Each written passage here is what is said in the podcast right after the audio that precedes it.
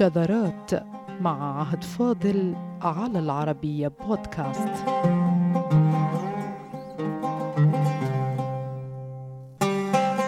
هو شاعر يجمع في شخصه وأدبه أخلاق الفرسان وصاحب قصة حزينة هي حياته من أولها إلى آخرها مع أنه ملأها شعرا ومواقف نبيلة.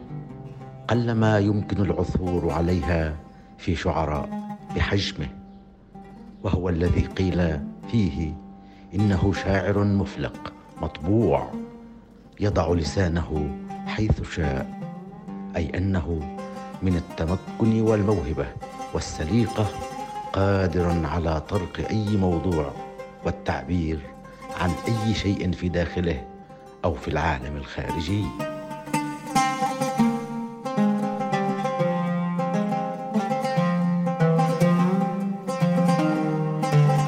إنه علي بن الجهم. دفتا قصته الحزينة.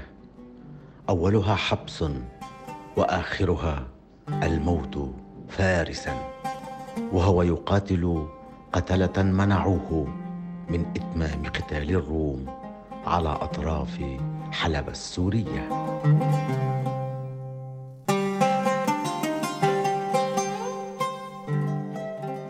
وفيما بدأت حياته محبوسا فظهرت موهبته وهو صبي.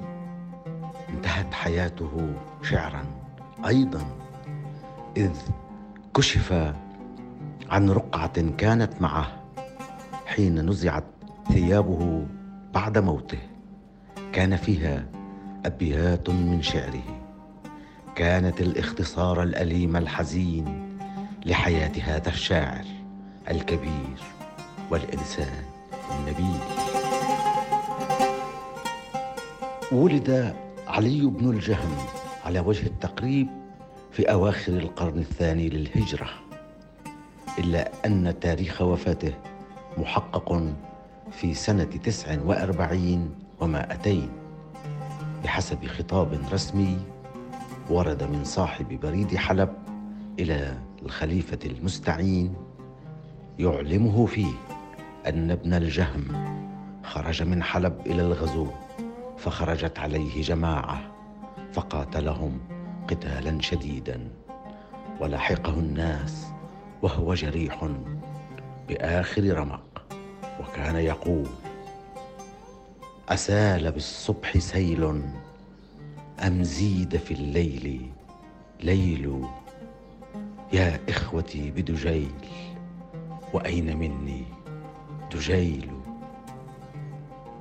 ودجيل اسم شارع في بغداد كان مكان بيت الشاعر الفارس.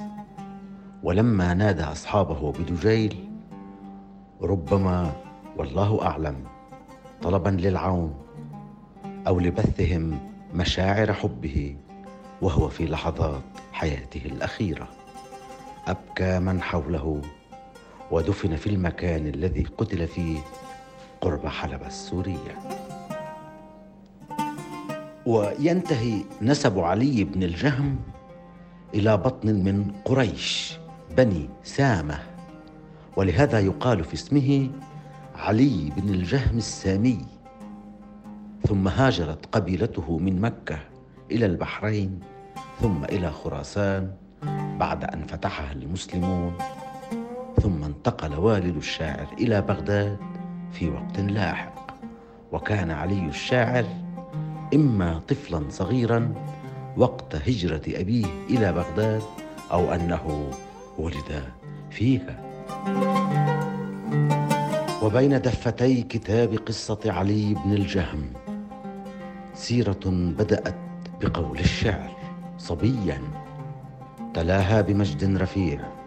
عند خلفاء بني العباس كالمعتصم والواثق والمتوكل الذي قربه من مجلسه وصار من ندمائه بل صار الخليفة يطلعه على أسرار قصره. حتى اجتمع عليه عدد من حساده عند المتوكل وأوقعوا بينهما فأبعده عن مجلسه ومنعه من مغادرة بيته ولتكتمل فصول قصة الشاعر الحزينه لم يكتف حساده بإبعاده عن مجلس المتوكل بل تآمروا عليه واتهموه بالطعن على الخليفة فأمر بحبسه. فأعاد حساده الكرة املا بالقضاء على الشاعر وإنهاء حياته. فتآمروا لدى الخليفة بأنه هجاه فصادر أمواله ونفاه إلى خراسان وتقول أخباره إنه صلب هناك ليلة بأمر من المتوكل. ثم خرج بعدها بمدة من محبسه إلا أن العالم بالنسبة إليه كان قد تغير بعد الذي جرى معه من رفع إلى خفض فصار يزور المقابر حزنا وتاملا وشكوى.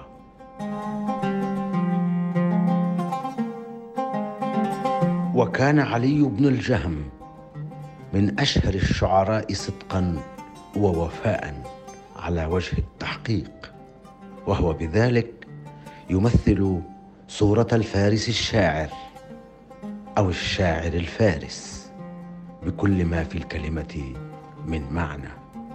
إذ قام برثاء المتوكل بقصيدة متناسيا كل ما ناله منه من حبس ونفي وصلب ومصادرة أموال.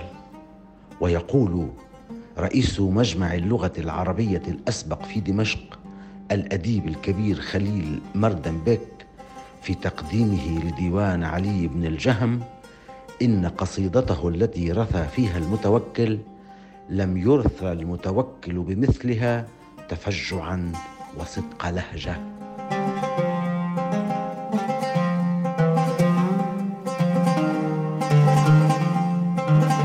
وكان ابن الطقطقي في كتابه المعروف الفخري في الآداب السلطانية قد قال إنه مع مقتل المتوكل الذي كان يميل إلى أهل السنة وربما هذا ما حد به لتقريب علي بن الجهم من مجلسه لأن الشاعر كان من أهل السنة مع أنه يناصر دولة بني العباس.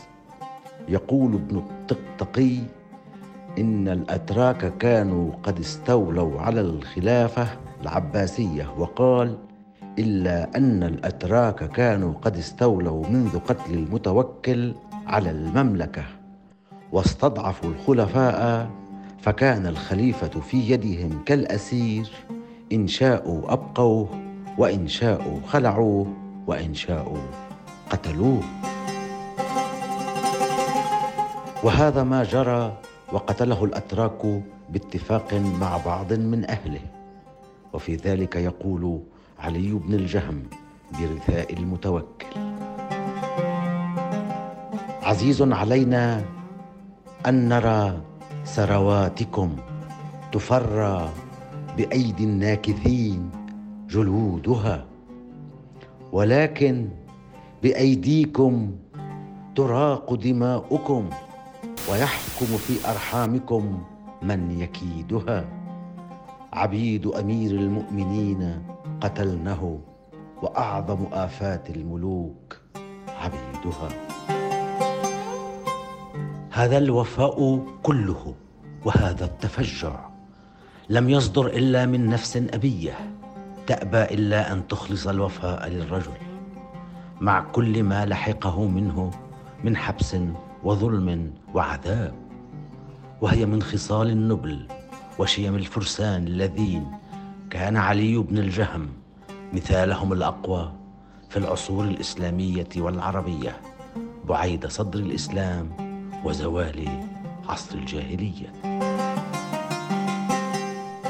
لكن قصة حزن هذا الشاعر لم تنتهي هنا ولا يزال بانتظارها فصل من المأساة والنبل والموهبة في وقت واحد.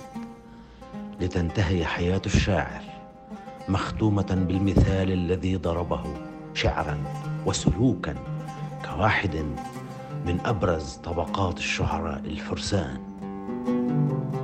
هم مع ما فيه من تعب وحسرة بعد الذي طرأ في حياته من ظلم المتوكل له ليقاتل الروم على تخوم حلب. بعد الأنباء التي راجت في تلك الآونة عن مقتل قادة عرب بجنودهم. وإذ هو في الطريق للقتال قرب حلب خرج عليه جماعة في الطريق. وتقول الروايات إن عددا كبيرا من جماعته قد فر من المعركة.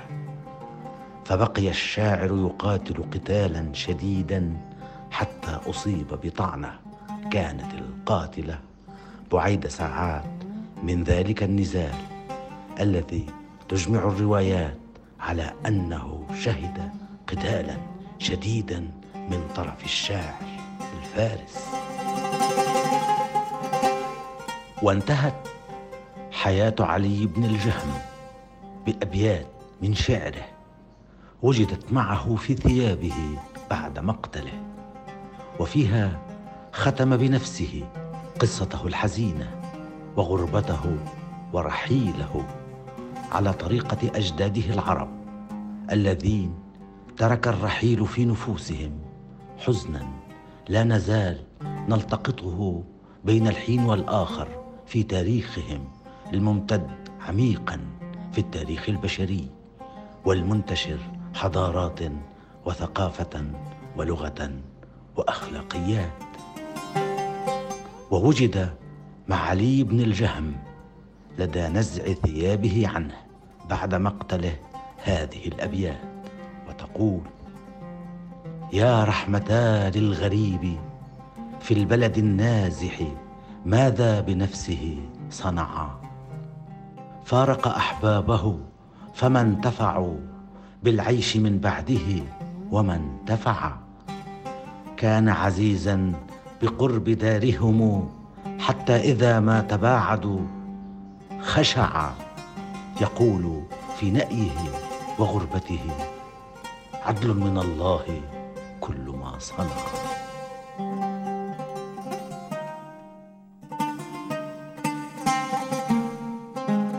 ومن أجمل أشعار ابن الجهم قصيدته التي أولها عن عيون المها المشهورة بين الناس وهي بالمناسبة قيلت بالمتوكل نفسه حابسه وظالمه ومبعده ومصادر أمواله. عيون المها بين الرصافة والجسر جلبنا الهوى من حيث أدري ولا أدري. اعدن لي الشوق القديم ولم أكن سلوت ولكن زدن جمرا على جمري. وفي القصيدة ما يؤكد اعتداد ابن الجهم بنفسه وبأخلاقه وبأفعاله على حساب اعتداده بنفسه كشاعر. وها هو يقولها بتصريح لا ريب فيه وما الشعر مما أستظل بظله ولا زادني قدرا ولا حط من قدري وما أنا ممن سير الشعر ذكره ولكن أشعاري يسير بها ذكري وللشعر أتباع كثير ولم أكن له تابعا في حال عسر ولا يسر.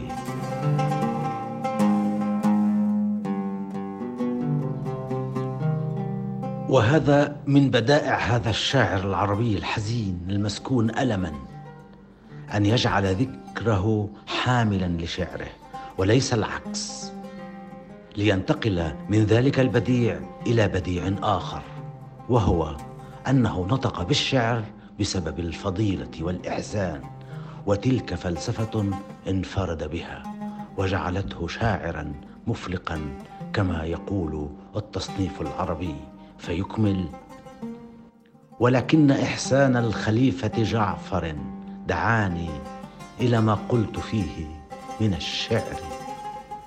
ولو جل عن شكر الصنيعة منعم لجل أمير المؤمنين عن الشكر.